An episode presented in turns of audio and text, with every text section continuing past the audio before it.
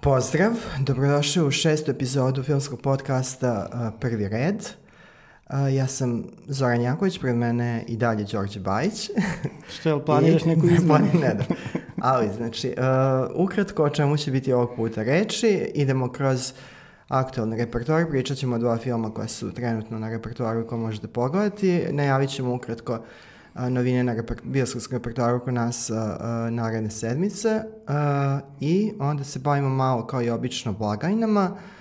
Pričat ćemo o jednoj novoj seriji u ponudi Netflixa, reč je o komediji i imamo čitav niz filmskih vesti, a u drugom delu uh, našeg podcasta imamo i gosta, ovaj put to je uh, filmski reditelj i vizualni umetnik, umetnik Lazar Bodroža, autor filma Edelweiss Rising. Jeste. Pričat ćemo o naučnoj fantastici sa njim. Da. Znači, evo da se vratimo znači, na ono planirano sa, za sam početak. Ovog puta pričamo samo o dva filma sa repertoara. Prvi film o kome ćemo malo da uh, prodiskutujemo, to je film Kralj poremećen. Šokantno okrutan. Šokantno okrutan i Zao. Zao. Uh, reč je o... To je sve jedan film. To je sve jedan film, znači i na engleskom upravo tako se uh, zove. E, reč je o još jednoj e, ekranizaciji dela slučaja masovnog ubice, e, zloglasnog ubice Teda Bandija. Serijskog. Serijskog ubice Teda Bandija. Ovaj put uh, reditelj John Berlinger uh, ili Berlinger, uh, koji je dosta radio u svetu tih uh, true crime uh, dokumentarnih uh, serija i filmova, a koji je uradio i drugi deo izvorne veštice iz Blaira se opredelio za sudski deo ovog slučaja. Znači, slučaj, film počinje negde pred prvo hapšenje Teda Bandija i mahom se fokusira na ono što se događa u sudnici i oko sudnice tokom samog procesa. Film, izvršni producent filma je Zac Efron, koji je odigrao i ovaj uh, glavnu ulogu i to dosta dobro, iznenađujuće dobro, budući da je ovo zaista krupan pomak uh, za njega u odnosu na ono što on radi posle High School, posle high school Musical i čitave te franšize iz njega. A tu su još i John Malkovich, uh, Lily Collins, uh, Jim Parsons, Brian Garrett i Kaja Scodelario. Kaja Scodelario. Uh, i, uh, ima ih. Ima, ima ih dosta, dosta, dosta je ovako ozbiljan kast, čak u jednoj manjoj ulozi, ulozi policijskog uh, policajca koji uh, zaustavlja uh, Teda Bandija a, zbog saobraćenog prekršaja i to je uloga onako primećena manja epizoda. Nju tumače James Hetfield iz benda Metallica. Ma da ja priznam da nisam da. primetio da. tako, Zoran mi skrenuo da, pažnju. Da, uglavnom reč je o dosta dobrom filmu, ja sam prijatno iznenađen na nešto sam video, znači ne govorimo sad o negativnim predrasudama zbog Zeka Efrona, ja sam onako umereni poštovatelj i, i ljubitelj Zeka Efrona iz ovog njegovog komičarskog dela a, karijere, on je znao da bude dobar i u prilično lošim filmovima kao što je Baywatch. Da li zanimljiva je sada njegova potreba da se pređe malo na dramu? Da, pritom on je još prilično mlad glumac, ali je već nekako je zbiljnije shvatio svoju karijeru i krenuo je da širi to svoje područje borbe. Uh, ovo je film koji je očito nastao pod uticajem ovog novog talasa true crime serija i filmova. Netflix, uh, na primer, ovaj film je uh, i postao kasnije deo Netflixove ponude. Netflix ima čitav niz dokumentarističkih serijala koji se tiču upravo ovih najznačajnijih i najpozna, ne najznačajnijih nego najpoznatijih, najozlogašanijih slučaja serijskih ubica. Tako da ovo se naslanja na taj talas. Film je prilično dinamičan, fino dizajniran u okvirima svog nekog srednjeg budžeta, dobro je odglumljen, zanimljiv je, priča razgobljena onoliko koliko je mogao biti da, ne, da se ne izgubi na preglednosti. Mislim da je, ja nisam izučavao slučaj, da je pokriven dobar deo, dobar deo tog slučaja, pošto zaista to je slučaj koji je išao u hiljadu nekih rukavaca i pravaca i mislim da ovo svakako treba da pogledate. Zanimljivo je zapravo da taj eksploatacijski deo koji ovaj slučaj definitivno ima, imajući vidio da je ta Ted Bundy ubio preko 30 mladih devojaka na vrlo brutalan način i ovde onako potisnut u drugi plan, zapravo čak ne ni u drugi, da, da. nego gotovo potpuno iz filma to abstrahovano. Da, dosta prepričano, da.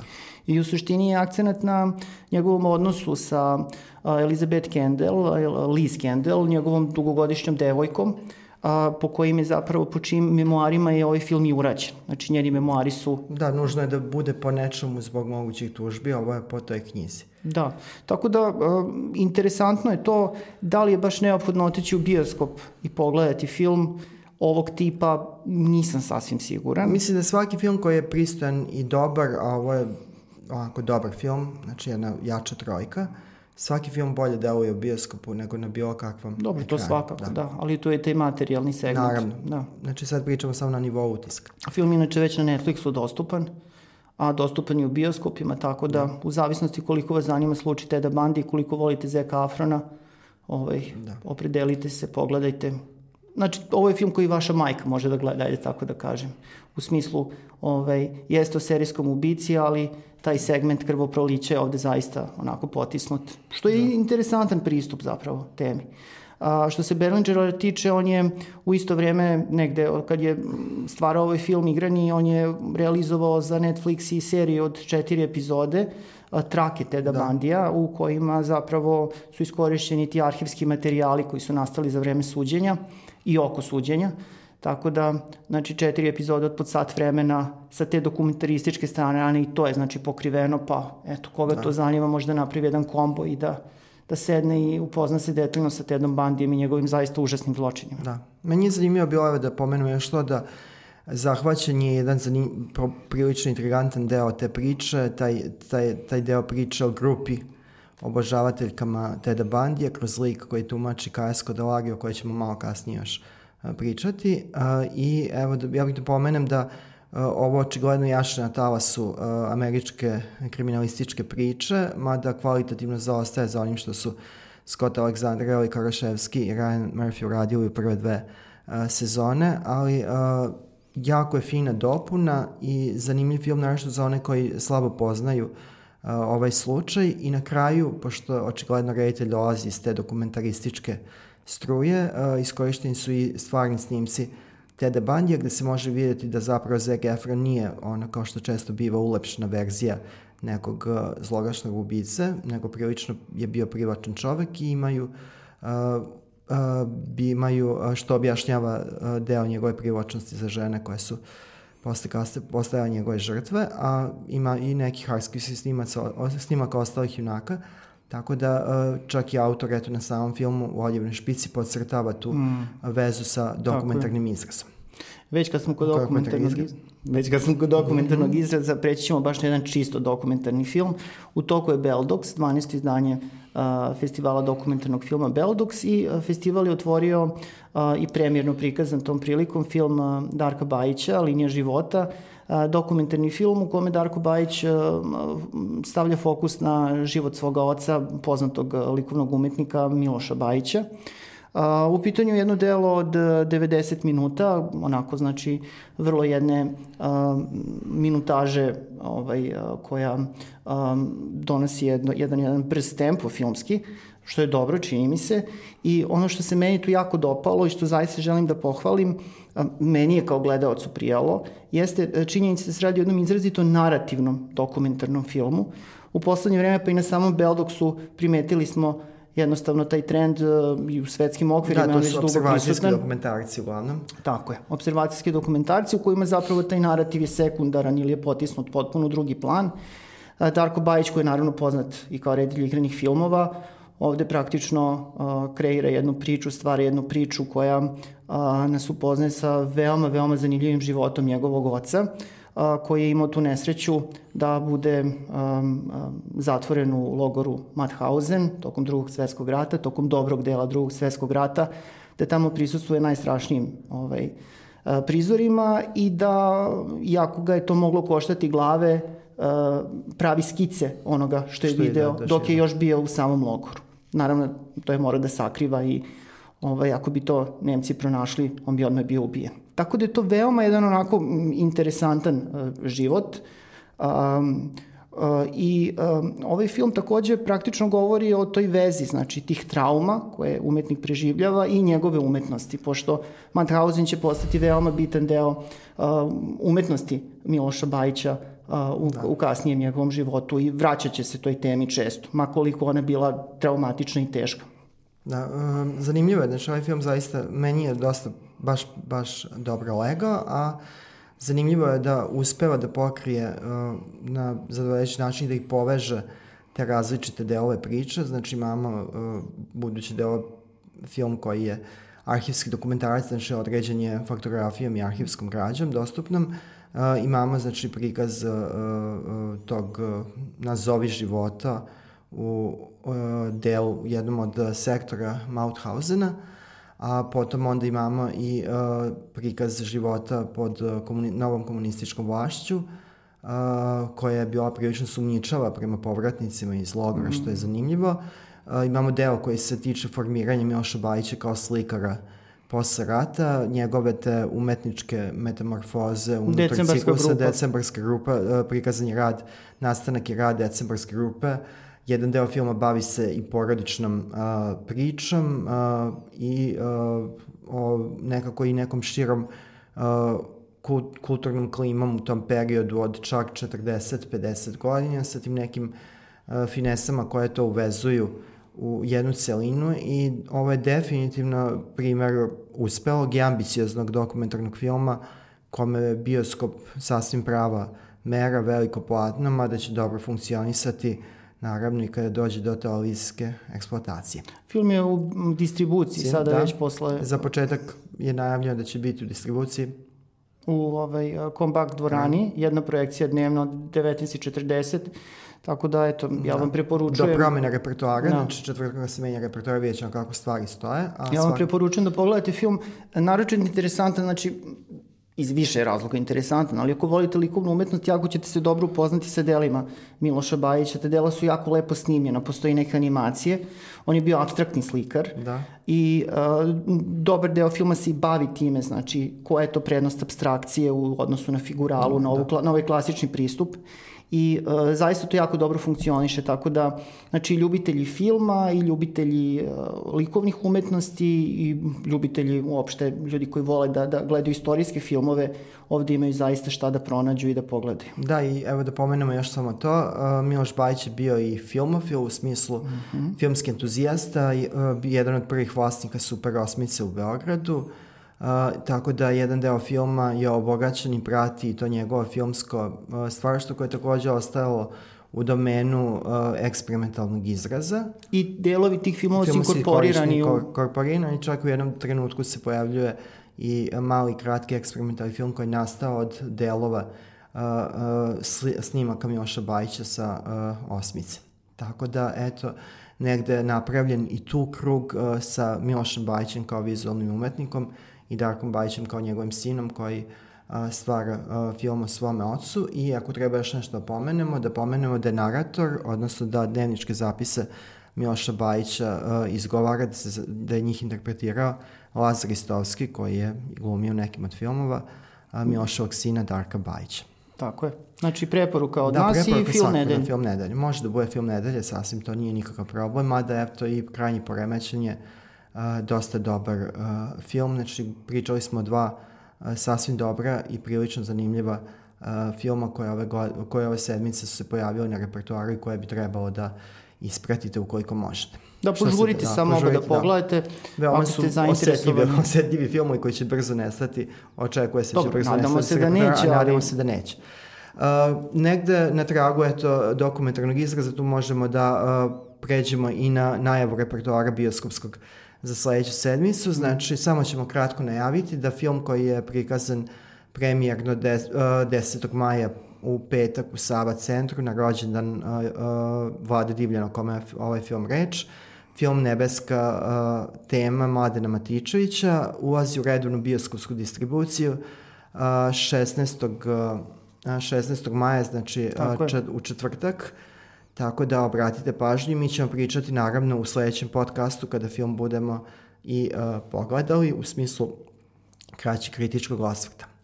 Osim nebeske teme, uh, ovo je prilično, uh, sledeća sedmica će biti prilično bogata novitetima koji deluju uh, zanimljivo i privočno za onako filmofile različitih vrsta, šta onda još imamo tu?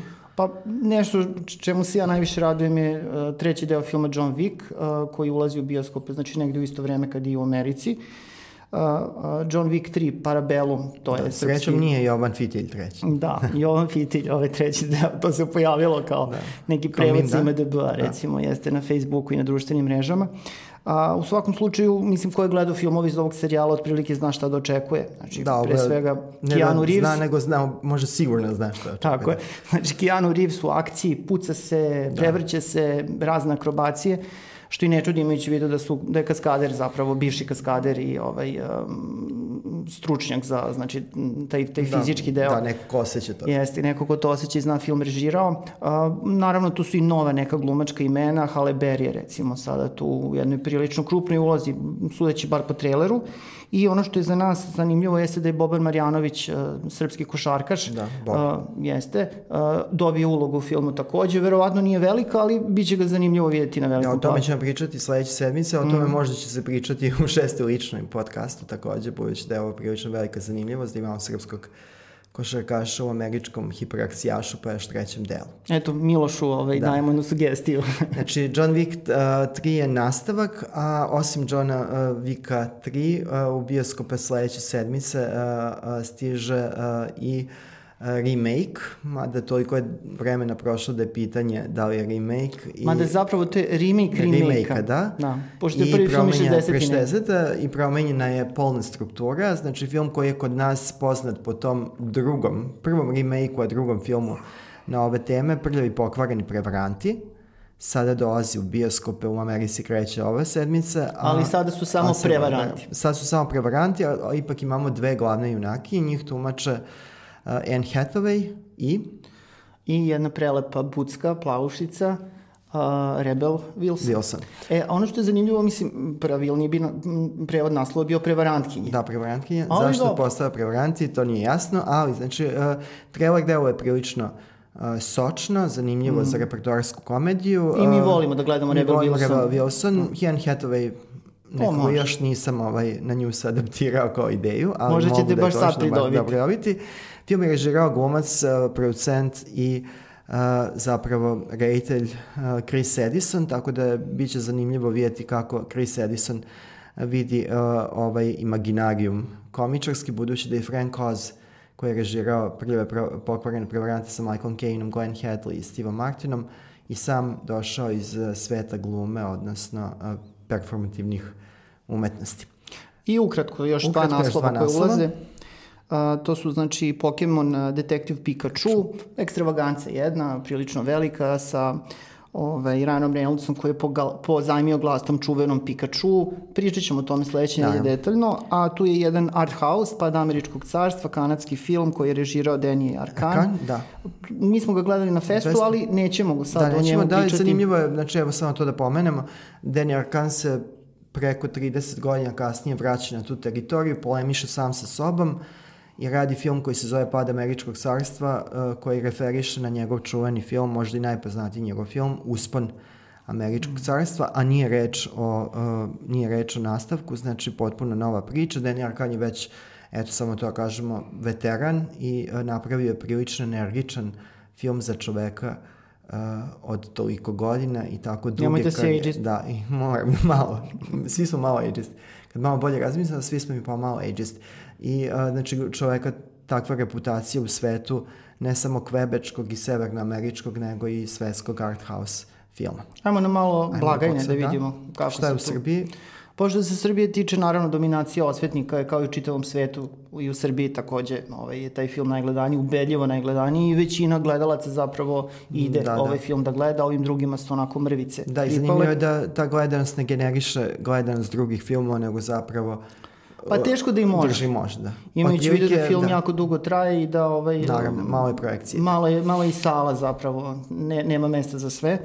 Ono što je tu interesantno na srpskoj listi jeste da ovaj, zavedi me na drugo mesto, ali manja gledanost dosta u odnosu na, na osvetnike. Zatim After se i dalje solidno drži, zatim uh, animirani film Park čudesa i ono što treba izdvojiti jeste da je Balkanska međa probila onu magičnu cifru od 250.000 da, gledalaca. U Srbiji, znači... I Bosni, da, da zajedno. Da.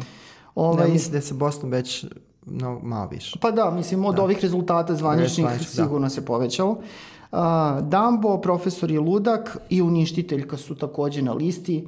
Tako da... Da, profesor Ludak i uništiteljka pokazuju da ipak i kada igraju osvetnici ili nešto iz tog uh, Marvelovog superherojskog sveta, da ima publike koja gleda i te filmove za zreliju publiku, mračnije, zahtevnije, ambicioznije, znači ipak ima i neko ko čeka u redu posle svih uh, ljubitelja osvetnika da, po, da kupi kartu, ulaznicu za nešto potpuno drugačije. Da imam jednu molbu za naše gledalci i slušalce, ako nisu još pogledali Uništiteljku, da, da obavezno odu da pogledaju taj film, zaista je jako dobar. Zoran I na drugo, ja ga, na drugo gledanje još bolje. Zoran ja smo ga reprizirali sada ovaj, nedavno i na mene je lično čak i jači utisak na da. drugi put ovaj, ostavio. E, I uh, došli smo do kratkog osvrta na američki uh, box office, budući da uh, mi ovo snimamo uh, pre uh, stizanja uh, zvaničnih rezultata, ali tu su neke uh, prilično precizne procene koje kasnije se ispostavili da su one tačne. Očekuje se da će Avengersi nastaviti na dominaciju na, američkom, uh, na američkim i kanadskim blagajima, pošto kao zapravo američki, severnoamerički box office računa kao celina. Uh, posle uh, toga uh, pre, negde se predviđeno da će biti 75 miliona gledanost u ovom vikendu, a se 60 bi bio uh, detektiv po, Pokemon Pikachu. Pikachu.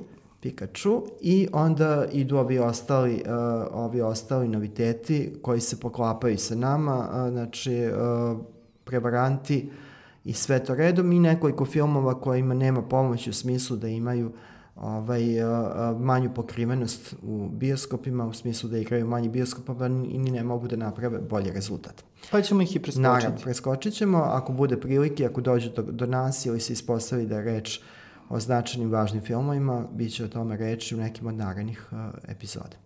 Ja bi se sada ovaj, pozabavio jednom serijom koju smo pogledali, u pitanju je komična serija Lažni dokumentarac u formi da. lažnog dokumentarca, 10 epizoda u produkciji Netflixa. To je ujedno i prva saradnja australijskog komičara Krisa Lilija sa Netflixom. Da.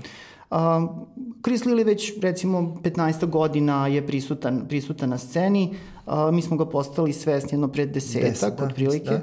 Uh, I ovo je njegova šesta serija zapravo sličnog nekog koncepta. Naime, Lili se specializovao da glumi različite likove. U okviru iste serije. U okviru iste serije, Ali ti likovi se uh, ne, ne dodiruju, ne prožimaju, znači uh, nema susreta među njima, tako da... No, što bi produkcijno bilo komplikovano. Komplikovanije, ali je uvek uh, reč o bizarnim, uh, bizarnim i prilično iritantnim likovima različitih uh, polnih struktura i čak i rasnih da, i starostnih, rasnih, starostnih da. uh, seksualnih orijentacija i slično. Što je izazivalo dosta kontroverze pošto ovaj recimo u nekoliko tih serija um, Lili je na primjer glumio ljude druge rase. Da glumio aboriđinskog da. dečaka, znači reći o čet, čoveku od 40 i kusur godina. Tad ima malo manje, ali manje, da. ali evo, on i sada glumi tinejdžerku uh, koja je gigantskog rasta. Da, u seriji Ludaci glumi između oslog i tinejdžerku gigantskog rasta i dečaka od 12 godina. Dečaka tako da... od 12 godina, glumi bivšu porno zvezdu koja je sada horderka uh mhm. -huh. i koja je preti iseljenje. Uh, Prodavca opsednutog pro, pro, uh, uh, mašinama. Maši, u seksualnom smislu opsednutih kasama za naplatu robe i uh, peti lik je ovde uh, možda agent i za nekretnine. Uh, agent za nekretnine, a imamo i sa velikom zadnjicom. Sa, sa ogromnom porodično nasleđenom ogromnom zadnjicom koji želi da postane DJ i možda najživopisniji lik. Tvoja miljenica. Tvoja miljenica. Uh, ne, tvoja miljenica. Ne, pa da, može, mada mislim meni je a, pa Horderka mi je bliže. Da, da. Ove, ovaj, iz nekih... Ali da podelimo. Podelimo, da. da. Uh, kako bi to rekli, vidovnjakinja koja komunicira koja sa komunicira sa domaćim, sa, sa ljubimcima. Ali bogatih i slavnih da, i to dobro naplaćuje. Bogatih i slavnih dobro naplaćuje, živi jako bizarno i uh, poreklom iz Zimbabvea, a, a, a, obslužuje a, australijski jet set. Uh, ovo je prilično serija koja je možda malo teže teže prepričati, ali uh, reče nečemu što zaista ovaj, uh, mami na glasan smeh. Chris Lee je ovde poentirao. Uh, humor je izrazito politički nekorektan, iako je deo Netflixa, uspeo da zadrži ovaj, tu svoju oštricu i njegova satira je zaista i ovog puta britka i meni je ovo zaista pravi triumf. Pa ja ne bih rekao da je Triumf meni iskreno odlasta slabiji odnosno neke ranije serije. Njegove, pre svega, na primjer, Summer Heights High, koji je apsolutno kao remek delo, i kasnije taj spin-off, ovaj, Jame, ovaj, Jame, Jame, private, private School Girl. Tako je. Da, to je najbolji, definitivno najbolji lik. Jeste, koji I se po, već u nekoliko da, serija, serijala se... da može biti i film.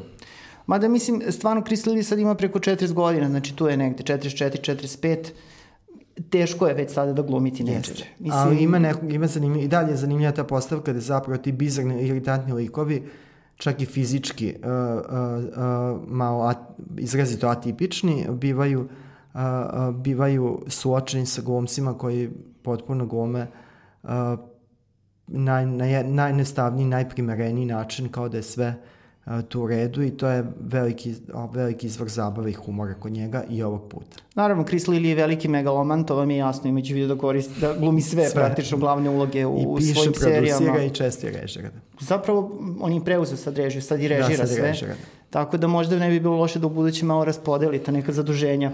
Ili da, se, ili da se čak i fizički multiplicira, pošto bi, ali mislim ovo svakako Ludake treba da pogledate. Mm. Malo je ovako uspešnih TV komedija u ponudi ovih dana, znači ove godine su manuli gotovo svi novi sitkomi, nije se pojavila nijedan značajna sitkomska serija, uh, Lunatics, odnosno Ludaci, odlično popunjavaju tu prazninu i meni je to nešto uh, u čemu uživam da gledam. Jeste, mada I... ovi ženski likovi su zapravo meni mnogo zanimljiviji, recimo, odnosno na muške. Tako da, da. ovaj, Um, to mi je problem. Da. Prosto da. nisu svi segmenti podjednako atraktivni, što u krajnjoj liniji nemoguće. Ne moguće, da. da. Niti mora da bude tako. Krećemo dalje, tu je Lazar Bodraža sa nama. Ćao Lazare. Zdravo. Dobrodošao u prvi red. Veliko mi je zadovoljstvo. I nama, i nama. Uh, ajde, bit će što sad malo kod vestima, o nekim novim filmovima popričamo, pa ćemo uhvatiti onda priključak sa SF-om i basiti se onda malo... Na tebe. Da. u vatru. ne, bukvalno, ali u prenesenom smislu, da. Uh, pojavila su se dva trailera uh, uh, proteklih 7 dana koje želimo da ovaj, uh, predstavimo. Uh, jedan od njih je zapravo teaser trailer za film uh, To drugi deo ili Poglavlje 2, nastavak velikog hita iz 2017. godine, film rađen po romanu Stephena Kinga.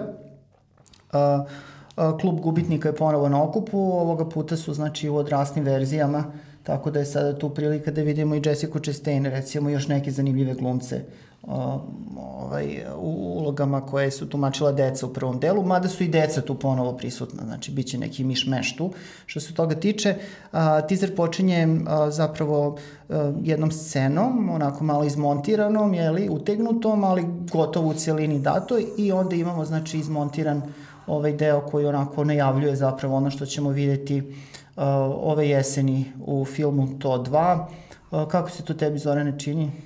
Ti ne voliš ne baš prvi deo, jel? Ne voliš? ne čini mi se, ne volim prvi deo, meni je to jedan od najloših filmova od tih uh, koji su dobro prošli i zaradili. Uh, veliki mislim, uspeh, preko da, 700 uspeh, miliona dolara u svetskim nekim razmerama. Grobni kućnik ljubiman da. se na mene ostavio povoljniji i jači utisak nego It, tako da nisam Meni se film dopada taj, tako da eto dosta očekujemo do drugog dela, eto nadam se najboljem, pa vidjet ćemo.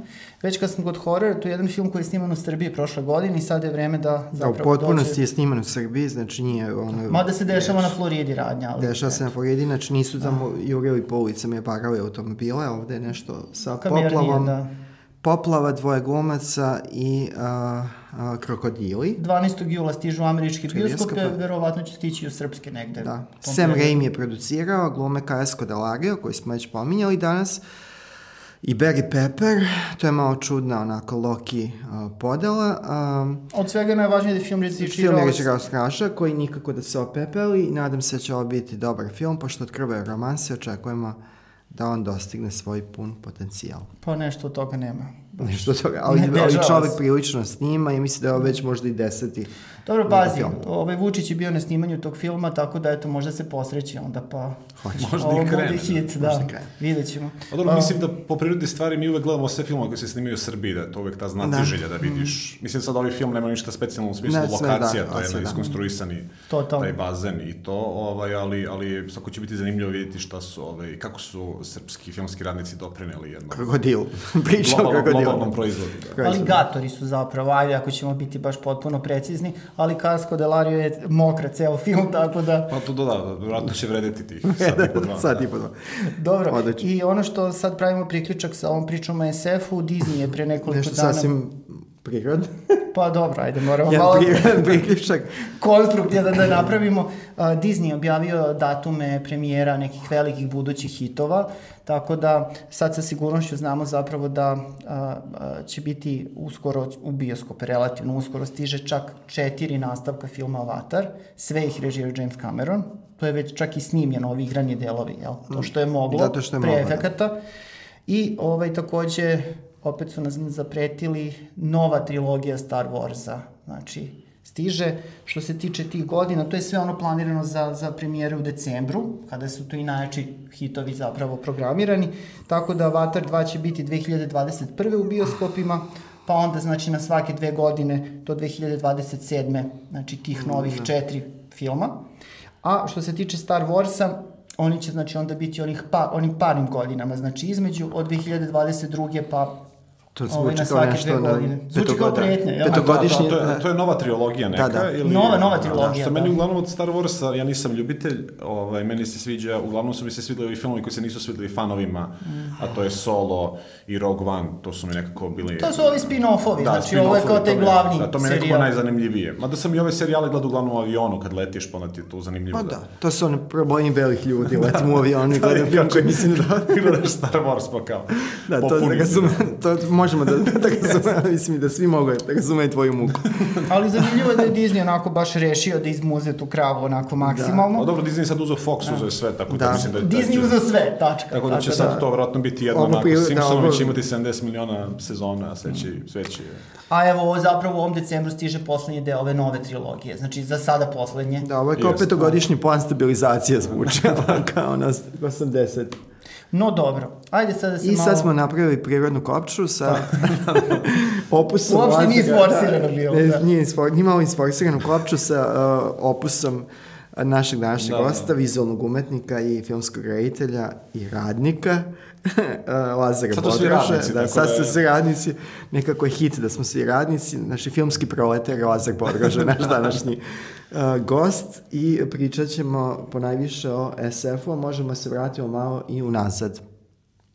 Hajde. Vi recite, vi, vi, pa, vi uh, komandujete. Kad smo mi prvi put čuli za Lazara Bodrožu, tad ga još nismo ni poznavali, čuli smo ga kada smo ovo videli u prodaji, 2010. Uh -huh. recimo, je li tako? 2010. novembar je bio tako. Ovaj, Bilo je hladno.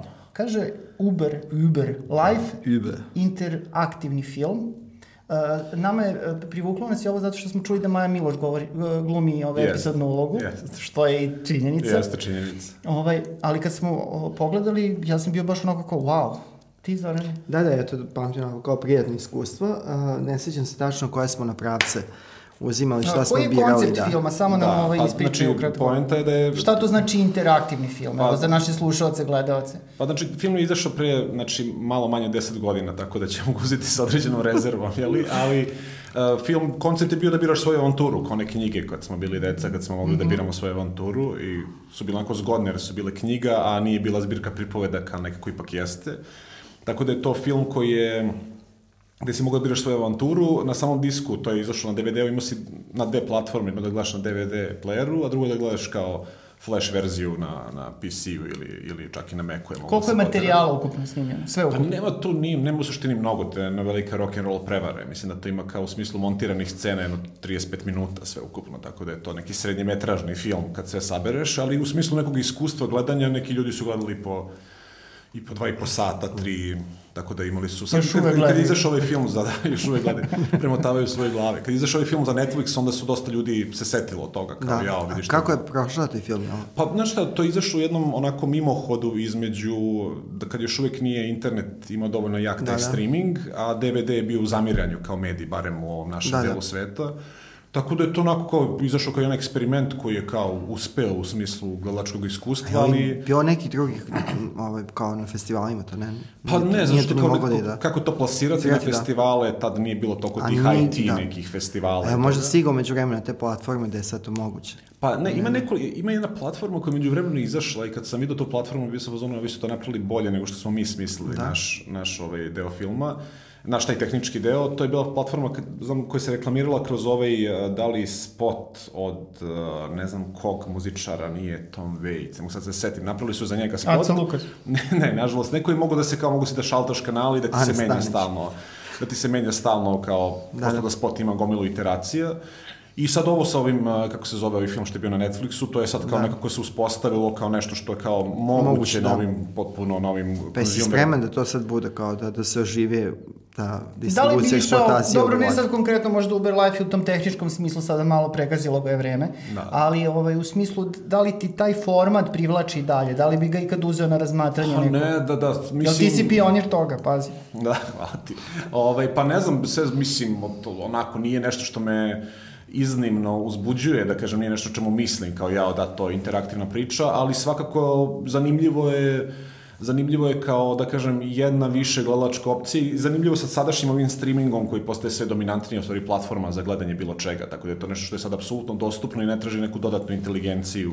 A koliko ti Uber Life zapravo bio te neki podsjeti da nastaviš da se baviš filmom i da se definitivno predeliš za to da budeš reditelj, da, da znači, režiraš? Da, pomenemo, pre toga se radio Gorski vijenac. Jeste, da, to je kao kratki film, kratki da kažemo. Koji je nestao sa IMDB, inače, iz nekog razloga. Sa IMDB-a nestao? Da, da, da. E, da, to ne znam za to. Znam da je sa YouTube-a bio skinut zbog kao, ne, znaš, oni koji ti kao traže ono prava na, na, na, da, da. na YouTube-u, mm. pa su skidali ljudima pesme i ne znaš kako, e, pa zašto. sad je nesto i To je neki problem, vjerojatno, sa crnogorskim suverenistima. Misliš Nekog da, se za srce ne, da, da, vidiš, da, baš da. to za, za, ali ne znam da li on ikad bio na IMDB-u. Pa možda i to nije. To je pitanje svih pitanja. Mislim da u stvari on nikad nije ni postavljen na IMDB i to je to je stvari, znači nije ga niko skina, mislim da teško se na kultur, da, napeo na kulturne institucije da, da, pa ne, mislim da, da vrate dug glasa podcast. Da kao stavimo. Da, ti nisi završio FDU, da to raščistimo. Da, da, ja sam završio fakultet primenjenih umetnosti i to relativno skoro, Naivac. ali, ali, ali to nećemo ali to neće... I koji je, znači, zapravo, mislim, sad se baviš režijom, naravno, ali, ovaj, pored toga, zapravo, koji je tvoj fokus Da, ja imam dizajn studiju koji se zove Metaklinika, koji je mhm. kao... Ovaj, Priča se da je jako dobar, je li to tačno? Ne, da, nešto najbolje što postoji na ovim prostorima, verovatno. A to je da, šire. bi bio neskroman. Ovaj, I to je nešto što je kao, onako, da kažem da smo ja i moj kolega Nena Trifunović, kad smo bili još ovako mlađani, smo razmišljali sad kako da da na, kako, kako da se pro, profesionalno formulišemo, jer nam se nešto nije svidlo da ide radimo, ovaj, krenulo to jedne vrlo sebične potrebe da ne radiš nigde, da kao nekako da. ne moraš da se budiš previše rano i to. Ali onda kao i te želje da budeš svoj gazda i sve zajedno. I onda smo napravili taj studio predno sad već 11 godina i on sad funkcioniše Samo kao, sebe. Uspeli smo, da, uspeli smo da se samo institucionalizujemo, sad taj studij ima 10 ljudi i radi za klijente kako u zemlji, tako i u inostranstvu, čak podjednako u poslednje vreme. Tako da je to neka, da kažem, mislim, to je sad onako jedna, onako, tipična ovaj, kapitalistička priča, nema... Ti sad imaš vremena da ideš po podcastima. Pa, da, samo subotom izgleda, da sve su prilike. Kao reditelj na Ivac, da pričaš da, o svojim... da, da pričam kako šta. Ove, ovaj, tako da, da, studio funkcioniše i to je stvar koja kao mogu ljudi da vide metaklinika.com sa k, znači sve povuku. Da, da ovaj, kako, to, kako to otprilike deluje, a s druge strane, to sa filmom je sad neka stvar kao sa metaklinikom tu se nekako baviš uh, pakovanjem nekih tuđih, tuđih narativa, jer je to uglavnom s oblasti grafičkog da. dizajna i tako dalje, packaginga, brandinga i tako dalje.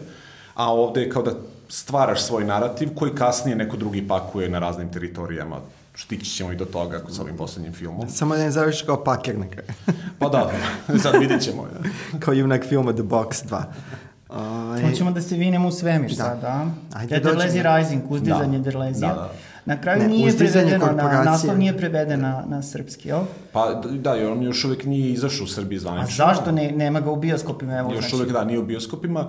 Pa Jel imaš nešto o tome da nam kažeš? Pa u suštini da, on još uvek nije u bioskopima, sad jedina teritorija gde on izašao u smislu uh, distribucije je uh, Amerika i posle toga Amerika za Lionsgate, znači distributer, u stvari producijsku kuću, da. to je um, major. Ali tu nisu u bioskopima, ali tako? Da, da, oni, oni su njihov zahtev kad su uzeli film, sad da pojasnimo ili slušalcima, kad napravite film i sad kad taj film ima neki potencijal, naš film mm Ederlezi Rising ili AI Rising, kako je uh, sad njegov zvanični naziv da. suda napolju, je film, English speaking film, i on je kao SF film. I u suštini kad vi kao, da kažem, uslovno rečeno prodajete film napolju, imate sales agenta koji taj film zastupa i uh, prodaja to praktično znači ustupanje prava na određeni broj godina i vi uvek kad prodajete tražite neku vrstu minimalne garancije kao nazad da vam taj neki distributer plati. Kad smo pregovarali sa Lionsgate-om, koji je kao, mislim, praktično neki mini major, jedno od kao da, top, top 10 produkcijskih kuća u svetu, da kažemo.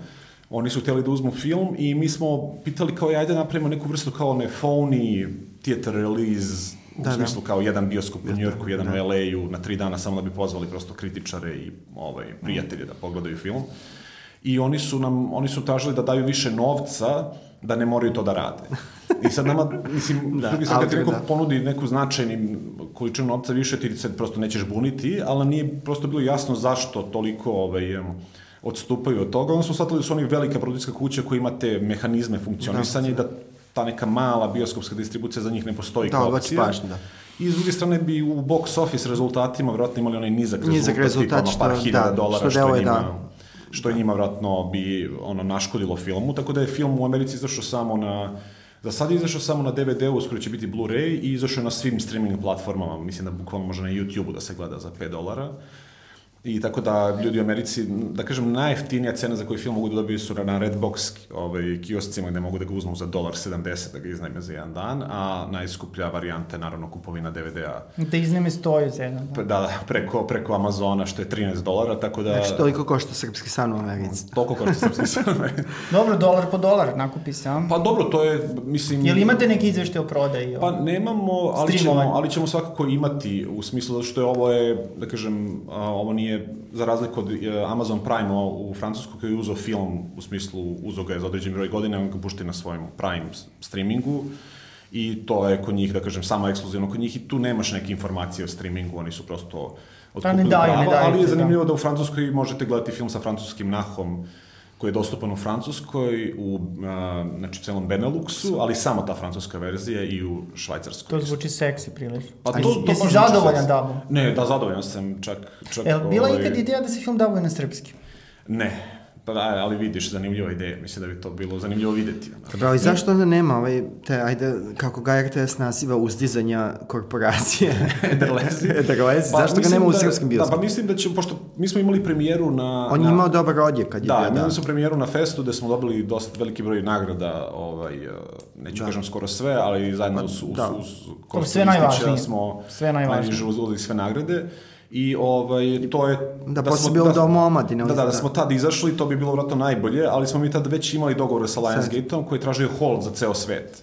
I onda u tom smislu smo shvatili da, da je najbolje da nekako uhvatimo neki moment koji nekako najviše ima smisla i da uz neku televizijsku ovaj, premijeru krenemo s nekom limited, ovaj, da kažem, ograničenom bioskopskom ima, ima i sad se to nešto pregovara, ja ne znam, ne mogu da pričam o detaljima, Naravno, ali je dobro. Znači, ideja, pošto kao nekako više puta smo napravili hype oko filma koji nije ispratila ta bioskopska distribucija i sad je nekako teško taj da. hype napraviti poslat šesti put. Ovaj. Da, evo tu je bilo znači dosta truda oko uh, distribucije filma, tog pravljanja hajpa. Evo, ovo je strip koji je Da, da, to je film. prequel strip. Prequel strip. Ali ima samo četiri strane, tako da, da nismo znači, se previše da. potrudili.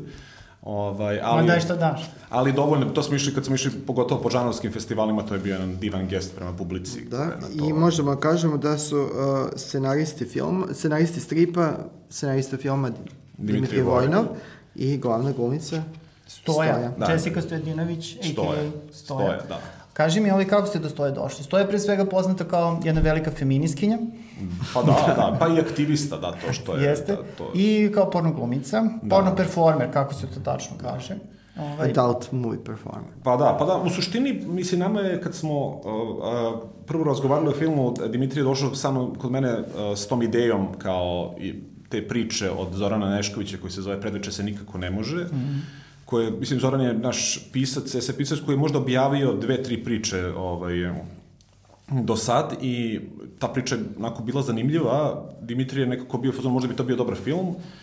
Meni je to naravno koji svi koji kako su inicijalno uvek reagovali na tu našu ideju, sam bio kao pa SF u Srbiji, ali nisam siguran, levo desno, ali onda nekako se ta ideja zapatila. Stvari, ta priča ima tu premisu astronautu i mhm. androidu na tom dugačkom putovanju kome on može da kalibriše karakter. Znači, ne, ne samo njeno ponašanje, nego ceo karakter. I onda je to nekako bilo dosta izazovno. I kad smo nekako ušli u tu ovaj u to razmišljanje, e, mislim da smo možda imali eventualno sinopsis filma, ali možda nismo imali čak ni sinopsis filma, nego samo neku vrstu kao prezentacije ideje celog tog univerzuma i razmišljali smo ko bi mogla da bude glavna glumica i nekako smo simultano došli na ideju da bi to moglo da bude Stoja, jer nam je te konceptualne strane bilo jako interesantno da za glavnu ulogu pozovemo nekoga ko se, pošto tu imamo, znači u samoj priči filmu imamo androida koji je tu inicijalno zbog zadovoljstva ovaj, astronauta, a Stoja se time bavi u svom profesionalnom životu, ona je tu zbog zadovoljstva svih nas. A dobro, imao srbovanje u pitanju, budući da je Stoja srpsko poreklo. Jeste, da, on ima, da, ima to daleko Mislim, srpsko poreklo, ali je to njeno, taj njen nadimak, stoji to profesionalno ime, je u stvari dal nadimak kod njene babe koja ima to srpsko poreklo. Tako da, da, da, to... mislim, mislim da je ona kao to prihvatila kao važan, ne kao daleko, nego kao važan deo identiteta. Apsolutno, da, da, da, pa dobro, kako drugačije. Kako ne, vidim, ne, vidim, ne vidim drugi način. Dobro, Srbija je dočekana baš kao kraljica. Za vreme festa to je bilo onako baš... Pa jeste, da, da. mislim da je, da je ona nekako... To je bilo najbolje lice Srbije u toj godini. u tom da smislu da... mislim da je, mislim da je ona stvarno napravila izuzetnu ulogu, jer nam je nekako podarila najbolje od oba sveta. S jedne strane, on ima tu jednu iskrenost i nepredvidljivost naturčika, a s druge strane ima izgled ozbiljne filmske zvezde ili ako mm. nešto drugo modela. Taj, to je ta odlična ta fizička gomanja. Da, ona ima jedno poznavanje, poznavanje prosto kamere i svega koje je kao... I ugodno je da bude gola pred kamerom. Nema I ugodno problem. je, da, da, da. To smo rekli, ako Kosti ne bude valjao... ako Kosti ne bude valjao, skinut ćemo je gol, da. da će biti sve u redu. Ali ne, naravno, Ovaj, mislim da je ta neka ogoljenost i fizička, ali s druge strane i emotivna dala taj jedan onako, jedan utisak stvarno ozbiljne uloge. Sad ne znam kako bi se stoje našo u nekoj realističnijoj formi, pošto je ovo jedna forma koja je dosta sintetizovana, Jest. izdvojena, tako vizuelno tretirana, gde kao i sve... Pa je li ima nekih nagoveštaja? Je li imaš neku informaciju da, da je prihvatila neku ulogu novu? Pa ne znam, znam da su je zvali dosta ozbiljni uh, dvoje, dosta, dosta ozbiljnih evropskih autora za jedan film. To sam, ja sam kontaktirao s njihovim producentima, tražili su mi praktično njen kontakt. Ove, to znam, ne znam šta se s tim desilo umeđu vremenu.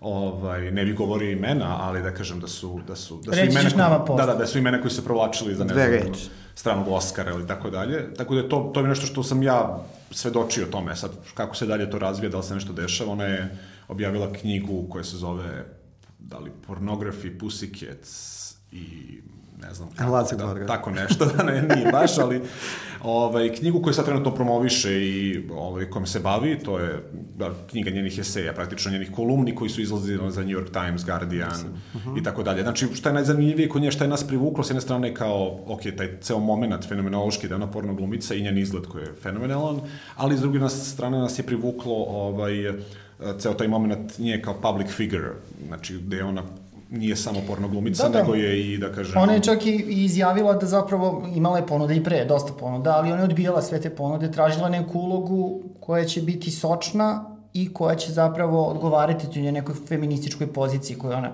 Da. Ovaj... Pa mislim, ja, recimo, kako sam ja saznao za nju, jeste preko, baš preko Maje Miloš, koja je nju Ta Maja Miloš. kastovala za, u stvari, klip. klip I da. to je bio skoro dan deal, koliko se ja sećam. Jeste, ali je, to, mislim, to je bio, da je bio odmako u nekom trenutku. Da, da, mislim da je to bio moment termina, jer ona, radila, ona je tad bila pod ugovorom stoja za Digital Playground, tu, tu veliku Čuvena pornografska, jeste. Ovaj, Distributerska kuća i... Pa da kažem da je to Disney da. pornografije, na primjer kažem da je to...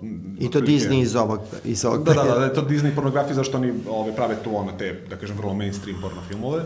I ona je bila svima pod ugovorom koji je na izgled je dosta humano, tipa to je 45 snimajućih dana godišnje, ali prosto ona... Svašta može da diđe da Pa ne, ne, ali ona u, to, u tom smislu nije vladala svojim vremenom, znači ti dani su uvek bili raspoređeni. Dobro, mislim da je možda bio i problem sadržaja, zato što... Da, da pošto film Maja Miloš ima neke eksplicitne scene, moguće no. da je bila pod zabranom da zapravo Pa da, ali ja mislim, mislim na, na kraju ti što se tiče eksplicitnih scena, ovaj, nisi, da, ne znam sad kako tu, kako tu, da kažem, prava da, idu, ali... To su neki da, sad pravne začkoljice, da. Ali da. pojenta što ona vratno nije mogla da odvoji šest ili da, da. osam nedelja da ode negde, jer ona da, ima 45 da, dana da. koji su raspoređeni tipa jedan, dobro, dva da, dana i, svake nedelje. I klip je snima netapno, tako da ni to nije da. Ali dobro, završilo se sve dobro, pošto je to ovaj, Naravno. Isidora Simionović odlično to odigrala i ovaj, zaista sjajna uloga. Stoje samo malo sačekala. A Stoje malo sačekala i dobila odličnu ulogu. Da, da. Tako da eto, sve sudbinski povezano. Ja sam saznao preko Maje za nju, a nju je, da kažem, Maj predstavio Dimitrije sa jednim svežnim DVD-ova koje je donao na jedan... I zatvorio se krug. Njen poštovalac velike, da, da, da, da, da, da, sve je bilo spremno da stoja, uđe u jednu zdravu uh, ovaj, eru srbovanja, što je dobro uvek, dobro za zdravlje. I mislim da je ovo, mislim mi merimo tamo, između ostalog i pod njenom tretmanu na festu, da je ovo bio možda onako vrhunac njene karijere u smislu percepcije, zato što ljudi su prilazili njoj kako bi prilazili nekoj glumici onako oskarske pretenzije, pritom mi smo bili svedoci da su je prilazile devojke sa štampanim kolumnama Pa da, da, se mislim potpiše, da, su, da, da, devojke nekako su i najveća fan baza fan njena, što da. je kao najzanimljivije od svega. I teško da bi bilo, da možemo zamisliti da bi ona u Americi na jednom mestu okupila tako raznorodne. Mislim, sećate se da smo na onom razgovoru posle festa imali jednog uh, astrofizičara koji je pričao o, o konstrukcije svemirskog broda, znači tako da... Da, da, bilo je da, da. dosta, dosta ovako, uh, je bila ovako, mislim da je, da je reakcija bila dosta dobra iz više razloga, jedan s razloga je bilo što... Pa mislim dobro, da je, film je dobar, tako da, da, da, sa realno, početka. realno film ima svoje kvalitete, s druge strane mislim da je dosta ljudi, znaš kad kažeš da praviš SF film u Srbiji sa porno glumicom, svi su dosta spravno sumničavi i onda mm. mislim da je to bilo i to prevarano očekivanje što je to pod da, izgleda kao da, neki pravi film. Da, čak ni ovi,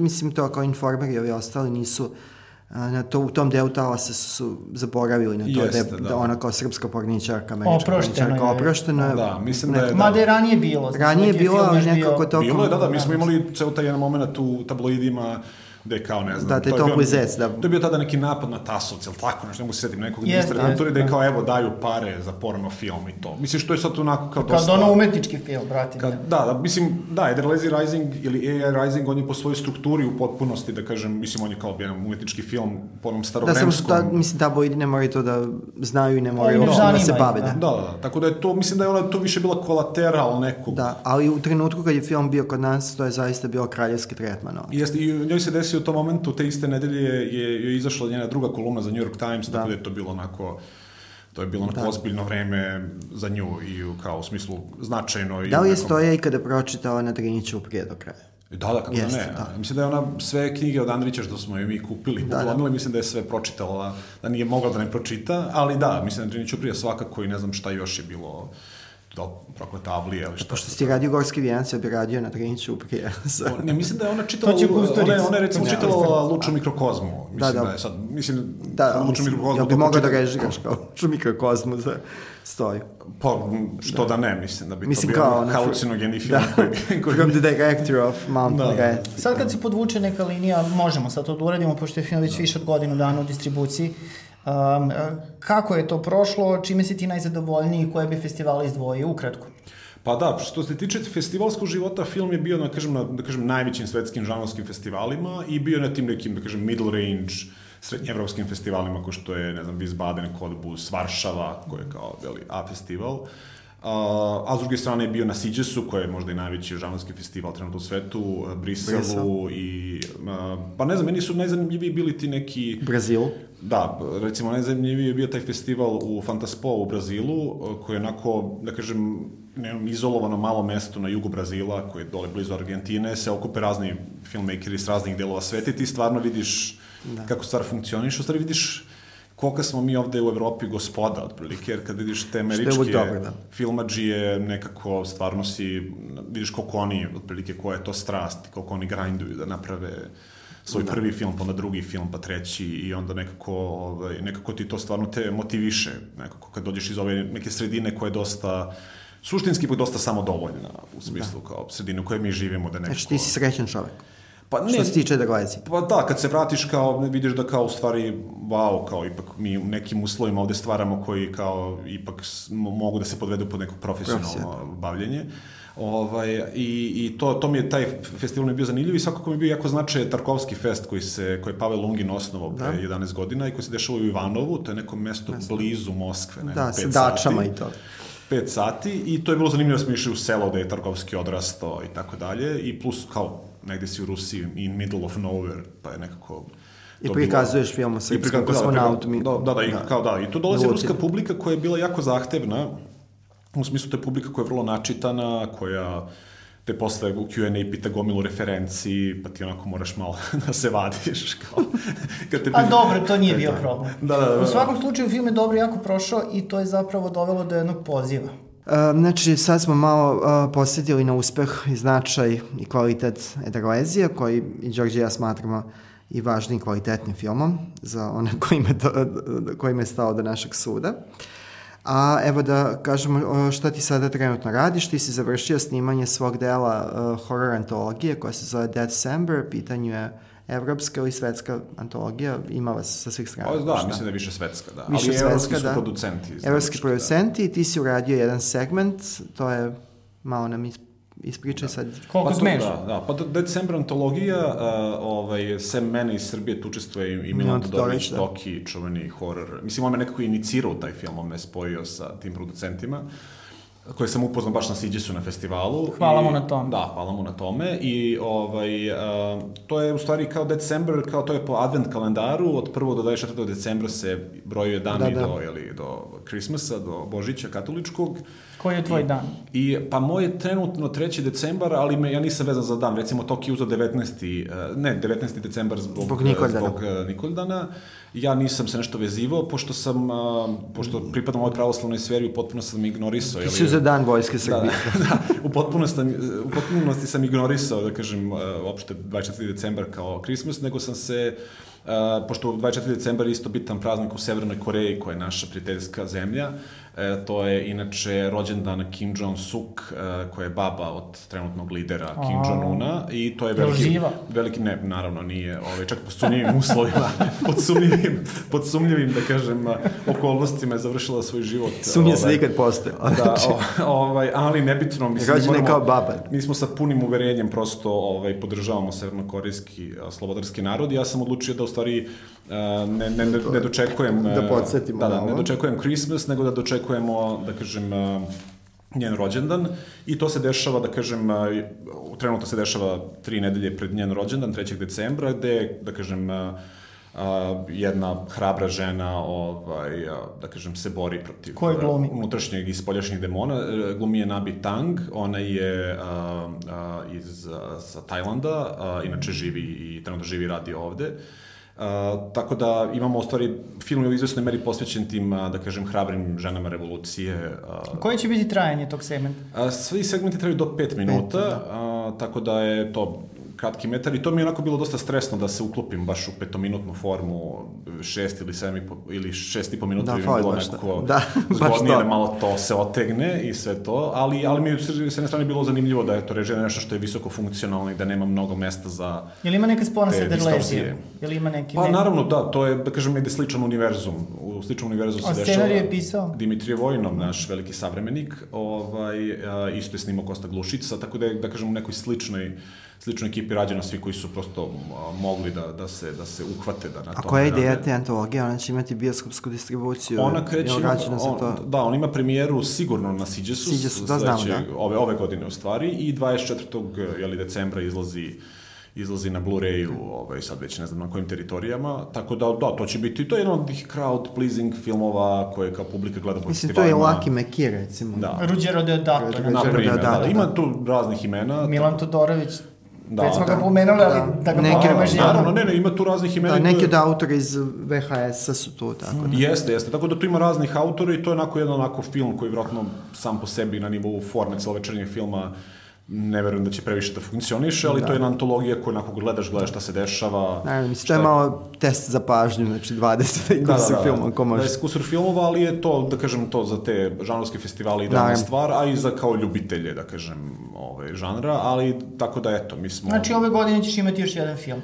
Kratki film, da. Dobro, kratki film kao deo večernjih filma. Da, a sad kad pričamo o dugim filmovima, znam da je u pripremi uh, novi, no, novo ostvarenje, Uh, isto Dimitrije Vojnov, znači opet, da. opet ponavljaš ekipu, a? Pa, da, ovaj, ja nekako gledam da, da radim sa najboljim ljudima, tako da je to, tako da. da je to nekako jednostavan izbor. Ovaj, I da, u tom smislu, da, to je film koji se zove, koji kao pripremamo, koji se zove Hideout 1453, koji je ali reminiscencija na pad Carigrada. Isto je, da kažem, SF, isto je kamernog e, karaktera, ali da kažem da je u izvesnoj meri vjerojatno e, značajno realističnija priča. I nije ovaj, nastavak, nije prednastavak. I nije, da, nije nastavak, nije prednastavak. Mislim, može da se, mo, mogo bi da se tumači, ali da kažem da nama je nekako cilj da napravimo filmove koji bi bile negde u sličnom univerzumu, kao što su recimo Cloverfield filmovi. Da.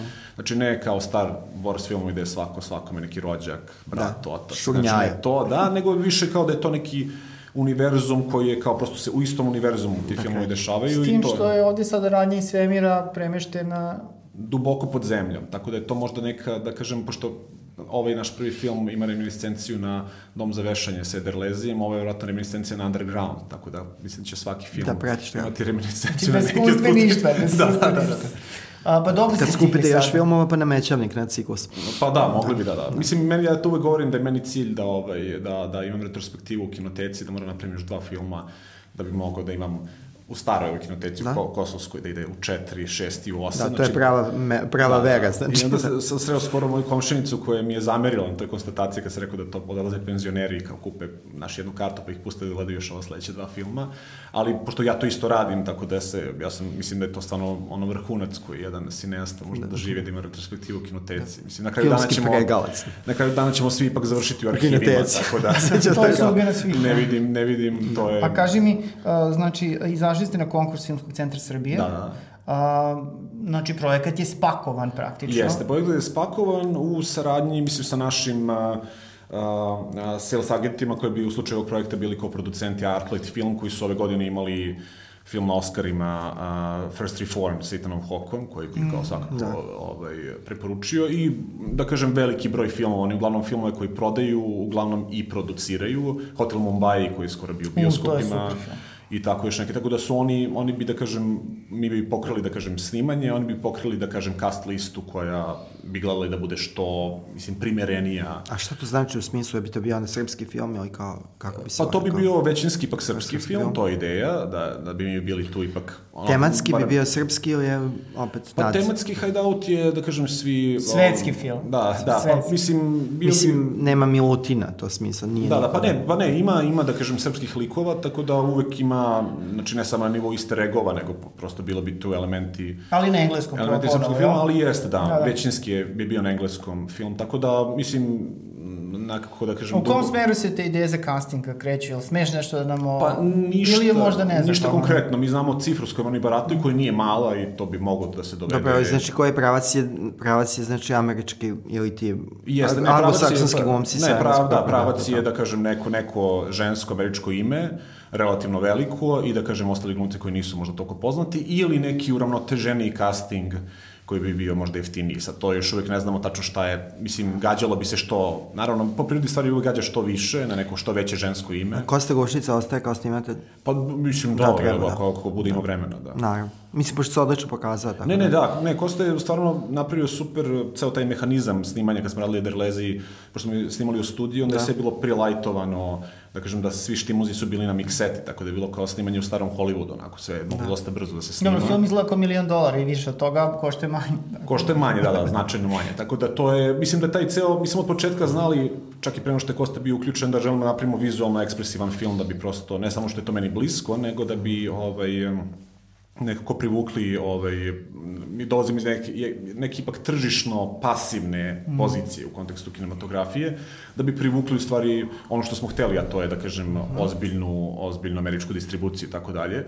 I onda nam je taj vizualni moment, ja mislim, nekako najviše po, po, pomogao za taj prvi korak da ljudi kažu, aha, znači ovo je nešto ozbiljno.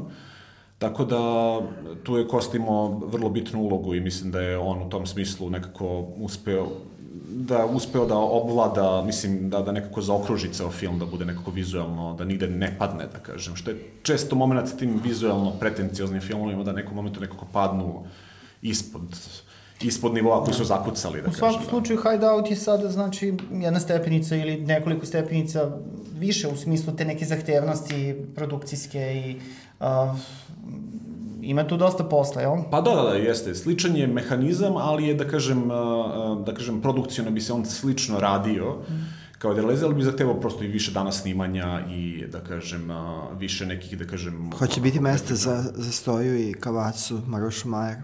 Pa, ja, ja bi sa svima njima volao ponovo da radim, sad vidjet ćemo naravno od, od, od prirode stvari, da. ali, ali svakako, svakako mislim da je saradnja sa svima njima bila nekako stvarno super i da da bi volao da ponovo nešto, nešto Držimo snimamo. fige i kada nešto Hvala. se konkretizuje, pričat ćemo o tome još. Naravno, da popričamo, pošto kao Ederlezi je bio odličan primer tog mikro, uh, to je neki sada i talas uh, tih mikro SF da, filmova, da, da. znači dva, sa lika, kamernih sa dva, tri lika. I uh, možemo da, po, da skrenemo pažnju na nešto što se nedavno, ne, ne tako davno pojavilo u ponudi Netflixa. U januaru, film, recimo, da. Da, ali mislim, streaming je platforma, pa je moguće konzumirati kasnije. Film Ajo, kako se tebi on čini budući da... Pa ne, meni je taj film bio, ja sam bio iznenađen jer sam, kritike su bile toliko, su ga toliko sahranile i, i publika u dobroj meri. I meni je taj film bio onako vrlo, vrlo zanimljiv, jer ima taj nekako, to jeste mikro SF, ima taj jedan Eurolook, jer ga je snimao ovaj direktor fotografije koji radi često sa Romanom Gavrasom, da. koji ima onako jedan taj zanimljiv, da kažem, izgled evropskog autorskog filma koji je malo onako pojačan ovaj, i meni je taj film bio onako vrlo, vrlo zanimljiv, ima par razbunjujućih momenta, tipa onaj flashback sa ocem, ako se sećate. Da. Danny Houston glumi oca. Da, da, to, to mi je To je bila prilika za taj neki cameo, pa su da, da, malo... Da, pa je to bilo malo zbunjujuće jer ne da. vidiš da li je flashback ili nije, ali meni je taj film bio nekako potpuno, ovako, potpuno super i on sam shvatio stvari tu jednu tu jednu problematiku sa Netflixom, u stvari, mislim da je narod, da je problem u ljudima, jer ljudi jedno govore, a drugo žele. Znači, da, svi da. ljudi kažu, ja, kao, koje su ove džubre na Netflixu konstantno, neki bezveze filmovi, kao nema ničeg dobrog i sad su dobili film koji je kao, mislim da je realno dobar i da je onako kao, mislim on je onako malo i razvučen i ima svoje da, momente. Da, problem tu je meni problem bio taj prazan hod, pošto... Da, ali kao ima prazan hod koji kao generalno imaju ti umetnički filmovi da. i dobiješ to i onda si, to ti se onda tek ne da. sviđa. u stvari to ne očekuješ onda od Netflixa. Onda sudiš po drugim, da. Da, da, onda to u stvari ne očekuješ od Netflixa i to je, meni jeste neočekivan ono kao film za da kažem, te novije standardne Netflixa i meni se lično on svideo. Mislim, bio mi da. Zanimljiv, ali tu sam nekako i shvatio da je u stvari taj moment kritike i tog odnosa prema streamingu sad onako još uvek se nekako gradi. Gradi, da. I da nekako publika reaguje po nekim svojim maršinima. Pošto je taj film po, po pitanju kritike, mislim, sahranjen. Da, pa, pa da, da ima mislim, nešto baš jako postoji, lošo. Postoje ti neke redovne ciklusi kada neki filmovi bivaju sahranjeni. Pa dobro je da je Lazy, to jest AI Rising da. već, na, i njega su onako maš, m, bilo je malo kad je pa krenula pa, ta distribucija. Mi nemamo, mi nemamo mnogo tih oficijalnih kritika, baš zato što nismo imali theater release, nemamo to kao, ne znam, Variety, mm. Hollywood Reporter, što uvek kad imaš theater moraš da imaš te... Politika. Dakle, smo imali te neke, da kažemo, onako kao da neki narod to piše po IMDb-u da. i to ide je bilo jako, da kažem, polarizovan. Da, da. Od e, toga da daju 1-2 do toga da daju 7-8, 9, da što je pitanje da li jedno i drugo toliko realno, ali je mislim da je tu cela stvar zašto. Oko sedam svakako. Da je Lionsgate, pa ja sam zahvalan, da je Lionsgate u stvari kad je pravio celu tu kampanju, oni su napravili trailer koji izgleda kao neki spin-off ono, Terminatora. A, i napravili... Naslov je promenjen što je bez veze. Da, naslov je promenjen. I poster. I poster su napravili koji je neki da možda poster, najúžasniji da. poster koji sam ja vidio za da, bilo da. koji film, ne sad što je moj Da, on je bio sjajan, ona rad na temu da. koliko generički može da bude može poster, da bude poster. A, a koliko malo u vezi sa sadržajem da, da. koji, koji Tako da su oni napravili nešto što kao je prosto prevarano očekivanje, jer kao publika očekuje jedan onako tvrd B SF film sa gomilom nekih zavrzlama tu i toga, a dobije nešto što je da. po svojoj strukturi prosto da. umetnički film. Antropološku studiju u sabljenosti. Jer to je film koji kao imate jednu dramsku scenu, onda imate jednu scenu gde je neki eho te dramske scene, onda imate dve da. dramske scene za redom, pa imate neku muziku. Mislim, govorim bukvalno po strukturi mm. najbazičnije, to jeste art film. I mislim da je bilo dosta ljudi koji su u tom smislu ono, može čak i sa punim pravom bili, pa čekaj, ovde da, se da. ništa ne dešava i do, bilo dosta negativnih kritika, a onda su na to dolazili ljudi koji su govorili pa ne, u stvari vi niste u pravu, vi ne shvatate, u stvari ovo je super film. Ali film ima svoje fanove. Tako da ima svoje fanove. I mi smo među njima, tako da... Da, da. Uh, dobro, e, nešto potpuno da, drugačije u vezi sa, a, a, znači, u vezi, u vezi sa žanrom. Naučno fantastični filmovi se da. ono, pojavljuju u raznim nekim inkarnacijama, od mikrobudžeta do ono budžeta od 500 miliona dolara, možda ne baš 500, ali ove, tu, biće tu je negde, blizu, da. biće. A, u svakom slučaju jedan veliki spektakl, jedan veliki hit je a, veoma aktuelan početkom ove godine u Kini prikazan premijerno, film je kineski. Za kinesku novu godinu. Da, ali ovaj, došao zemlja. je na, došao je na... A nedavno je došao da. na platformu Netflix, onako, ovaj je sad dostupan praktično na celoj planeti. Da, da. A, pitanje je drugi najgledaniji film u Kini svih vremena, koji je zaradio na tom nekom svetskom nivou 700 miliona dolara, što je stvarno, mislim, veliki uspeh. Da. Ti si ga pogledao, je li tako? Da, ja sam ga pogledao sa, jesam, ja sam baš dugo iščekivao da ga gledam, jer a, s jedne strane a, čuo sam da je to sulud film, da ima tu jednu suludu premisu, ovaj, a s druge strane, dosta sad, kako komuniciram sa tim nekim producentima i agentima koji žive i rade u Hollywoodu, sve više postoji taj nadržaj prema SF-u koji je kineski SF mm. i za svaki film o kom možda razgovaramo kao potencijalnom filmu postoji ta mogućnost, e, možda bi to moglo da bude stvari kineski film. I onda nekako vidiš da prosto, da prosto je, da, da je taj mislim, film da. neka vrsta prekretnice u jednom, u stvari, u poimanju žanra SF-a. I kako se tebi čini? Pa ne, meni je taj film, kao mislim da taj film mora se pogleda. Mislim da bukvalno sad svako posle ovog podcasta treba da taj film pogleda. To je stvar opšte kulture sad, jel? Jer apsolutno ne, ne samo što je stvar opšte kulture, nego što pokazuje prosto u kom, u kom svetu mi trenutno živimo i tajna decentralizacija, da kažem,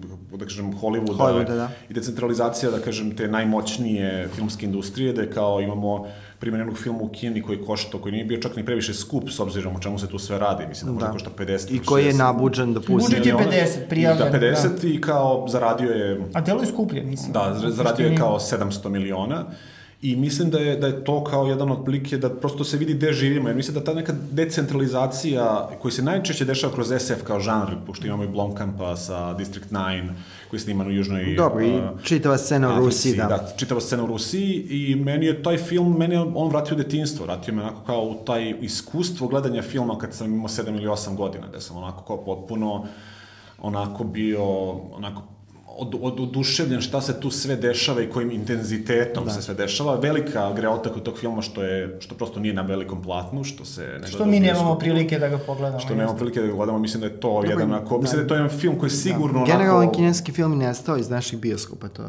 Da li ovo je na primjer film koji bi zaista mogao da, da zaigra u smislu I, da je vrlo vizualno atraktivan. Prava mu mega, da. da. Podelio je dosta gledalce, mislim razni su neki komentari, neki su ga odbacili kao budelaštinu, neki su pa ne, pa ta, ta premisa u startu je, mislim, toliko suluda da ti moraš da je prihvatiš da bi u stvari uopšte počeo da gledaš. Tako da mislim da ima naš dosta tih ljudi koji Što ne nije redak slučaj kad je SF u pitanju. Da, da, ne znam tačno šta očekuje, pazi, to je kao, znači, poenta je da to je jedan, ne samo što je ta premisa suluda, nego je to jedan ultimativni patriotski film, jer sad šta kinezi da naprave dalje u kontekstu patriotskog filma, mislim, vidimo Rusi koji prave te sportske filmove, paratne filmove o drugom svetskom ratu i tako dalje, i oni su to stvarno već absolvirali, te slow motione, tu vizualnu poeziju da, da. i sve to. I, Ovo je zapravo film o zemlji koja se izmešta iz solarnog sistema, da, da. Zato što je sunce ono pri kraju, da. jeli? i ove neki ogromni propeleri su recimo ugrađeni. Da, koji su svi baš na kineskoj strani zemlje, da. tamo gde je Kina, je to, je, to je zanimljivo.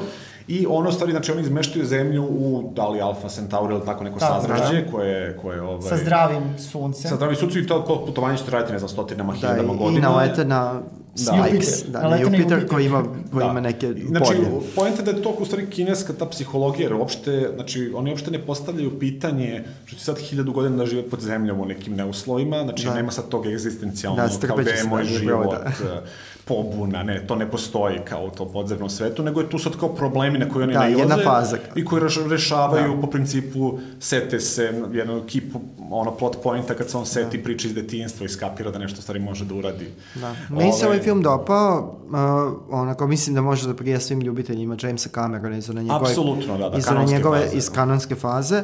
Jedino što sam zaista imao utisak da, da u filmu, ali to je sad stvari produkcije, da i potrebe da se uh, naglasi taj uh, borba s identitet da u filmu ima ogromnih viškova na nivou radnje, znači Pa da, ima da. viškova, ali ima tu jednu funkcionalnost. Da. Recimo, mene to podsjeća na ove ruske blockbustere koji inače ja volim jako da gledam, meni je to onako, jedan onako guilty pleasure kao ruski blockbusteri uglavnom prati. Mislim, ne možda one ultimativne neke budalaštine ne pratim, ali recimo sportske filmove jako da. volim njihove da gledam. Ove, ko što ne znam, Legenda 17 ili ove, 3 sekunde ili kako da. se zove, Put da, ka da, da, i tako dalje. Da. Tako da mi je ovo bilo kao neki ruski blockbuster, ali dignuto na mnogo veći nivo, sa jednom tom funkcionalnijom radnjom, ali dalje... Da, nego, mi se u tom smislu kreće ovo, pa onda odjednom sad kao Jupiter se nešto pobunio. Ma da pazi, to, film traje dva sata, što i nije tako da, puno. Da, a pritom mi traje dva sata, zato se da ima taj utisak prenabuđenosti. Da. Pa ne, mislim da ima gomila, ja volim te filmove koji, koji su kao ultra hollywoodske, nastaju van Hollywooda, jer nastaju u dramaturškom smislu van te neke matrice koje je u Hollywoodu vrlo predvidljiva, mm, da. pogotovo kod tih velikih blockbustera, ovde ima tih nepredvidljivih nekih momenta momenta gde samo neko proradi od jedan put ili neko, da. mislim, onako, ima tu jednu funkcionalnost koja je, koja onako prija, koja je malo naivna. Mislim, Dobro, ali ako volite SF svakako, ovaj, da. ne, ne, mislim da, ne, ne, mislim da je to apsolutno ono opšta kultura pogledati, to je kao nekako na nivou, kao da li si gledao Terminatora 2, da. to je. Evo malo ćemo za, za kraj zameniti ovaj, uh, ono što je bio u prethodnih pet emisija, znači kod kinotečkih naslova koje preporučujemo, napravili smo opet prirodnu kopču sa uh, onima što radi, za sada radi naš gost Lazar Bodraža koji je poželeo da vam preporuči neke klasične ili klasičnije SF. Da, pa da, da. Đorđe mi stari traži na primjer top pet listu SF je... filmova of all times, što je uvek nezahvalno, jer on ima, kao, ima da. jako veliki broj tih filmova da. koji je uvek nekako yes. neki zaboraviš. To je, to je grozan zadatak. Da, da, da. Ali da, dobro, nek bude ovo jedno od mogućih. Da, da, jedno od mogućih. Pa, možda napravimo kao listu na nivou kao simbola, kao da imamo kao pet vrsta SF filmova, pa Odlično. kao da nađemo jedan koji je kao... Kako to? Evo i mi ne znamo šta je da. odabrao, šta si odabrao, da. pa... Pa dobro, stavit ćemo iznad liste, kao, kao, kao ne bi uopšte raspravljali mi je zašto je u listi, to naravno Odiseju kao, kao ultimativni, ne SF film, nego film kao takav, da, film, kao da. filmsko iskustvo i sve to. Stanley Kubrick. Imao sam pri, da, prilike da gledam Odiseju 2001, sad u Trstu na festivalu u, u novembru je bila 4K rest, restaurirana ono, kao uh mhm. -huh. kopija, koja je bila kao digitalna, digitalna kopija je bila Bili 4K. Bili u Beogradu nedavno projekcija. Da, i onda mi je to bilo zanimljivo jer sam prvi put gledao film, gledao sam samo efekte, gledao sam kako se fun, kako, kako je zrno na slici, kako su uklapali stvari, prvi put sam očio neke sitne mane, uh mhm. -huh u svemu tome, što mi je bilo jako zanimljivo, ali mi je bilo zanimljivo da gledam film sa te potpuno tehničkog aspekta i, i znači, to je film koji kao toko svaki šest meseci vjerojatno gledam na ovaj ili onaj način da. se desi, tako da to ne bi dalje ulazi u to. A šta ne isti? Pa dobro, u smislu tih nekih transcendentalnih SF-ova, to je svakako uh, Stalker, koji je od Tarkovskog, koji je kao to jedan film koji na kraju i, i negdje definiše celu tu jednu uh, celu tu jednu, da kažem, ono, klasu tih indie SF-ova koji se u poslednje vreme dosta pojavljuju i da. po festivalima kao što da, Sundance, Sad, Sad, Southwest. Da, oni se naslanjuju na njega svi. Naslanjuju dosta na to, tako da u smislu on je nekako simbol za tu vrstu, ovaj, za tu vrstu filmova i kao pionerski u tom smislu. Onda u smislu ti nekih filmova koji žele da dobace više nego što mogu, mi je zanimljiv THX 1.1.8.3 od, od Lukasa, ali ima ti dosta tih filmova koji pokušavaju da cen univerzum naprave, ali nemaju dovoljno nema, nemaju dovoljno, jeli, prosto produkcijnih mogućnosti i zbog toga su posebno zabavni, pošto reci, ko što recimo Logan Sran, na primjer, mm. ili In Time, a, ovaj, skori film kom Justin Timberlake. To su ti da. filmovi koji su onako malo na kao mali guilty pleasure, onako, polus, onako... Da, mada je Logan Zran označio iskustvom onako nekoliko generacija u Srbiji gledalačkih. Ne, ne, ne, apsolutno, to, je, to je kao, to je kao da. bitan, bit, bitan film, onako. Ovaj, tako da mi je to bilo, ovaj, to, to mi je, da kažem, ajde da kažem da je THX simbol za tu vrstu. A glumi Farah Fawcett, je li tako? Malo jedno. Da, u Logan da. Zrana, ali ovo... Da, Lo, da, Logan Zrana. Da, da u Logan stranu, a, onda bi onda bi dao a, pa baš u kontekstu tog decentralizovanog ovaj SF-a bi dao svakako District 9 on na Blomkampa, mislim da je to onako... Da, Blomkamp je veoma zanimljiv. Ultimativni, da, da, ultimativni film i mislim da on, on procesuira celu tu, da kažem, uh, a, celu tu, da kažem, jednu klasu tih, da kažem, reditelja koji dolaze iz VFX-a, s druge strane ima tu potrebu da, da, mm. da kao uradi nešto što je lokalno i svaki... svaki, svaki... Nisi gledao ove njegove kratke filmove sa što je izbacio? Da, da, sve, To je veoma zanimljivo. Da, to je veoma zanimljivo. I on kao pokušava sad napraviti novi model gde pravi, gde je pravio tih par filmova sa tim Unreal softverom koji se mm. koristi za gaming, što je jako interesantno i to treba videti, to je neka budućnost. Generalno gaming je nešto što što sad sve više, mislim, ne, ne sve više nego što on je najsuperiorniji možda mediji, da. zato što je uspio da prevaziđe pirateriju, da kažem, za da. razliku od filma i muzike koji to nekako nisu, nisu uspeli. I ovaj... Um, još dva, jel? Filma? Jesam ili ne, ili sam, da, ili još dva. Ja sam rekao, da, ne znam da li sam... Ništa da, slobodno proveri, da. da. Samo da proverim, da, da, da. Ne, da, onda bi, da, naravno, Gravity, mm -hmm to mi kao nekako tehnologija i film, to mi je taj moment SF-u kad se, kad, kad je tehnologija do te mere, ono, znaš, uspela da pogura filmsku priču u jednom pravcu. Da, pritom je film jako emotivan, mislim. Da, da, da. Ima onako rudimentarno je do emotivan. Da, da, da, da, to, to, i onaj bavi se jako nekim da. vrlo, da, bazičnim, bazičnim stvarima i ovaj, kao neki peti bi, kao simbol tih malih uh, filmova koji tako nastanu, uh, slično kao i Ederlezi, ni odakle i dođu i pojave se, mi je Beyond the Black Rainbow, koji mi je nekako bio jako značajan dok sam radio na Ederleziju, da prosto ubedim svoje saradnike i filmske radnike da je tako da nešto moguće. moguće. Da. Kosmatos mlađi, jel? Kos, da, Panos Kosmatos da, koji je godin imao da, hit Molly. film, uh, da, Mandy. Molly, Mandy, Mandy, Mandy Molly. Jeste, mada crna duga je ostala.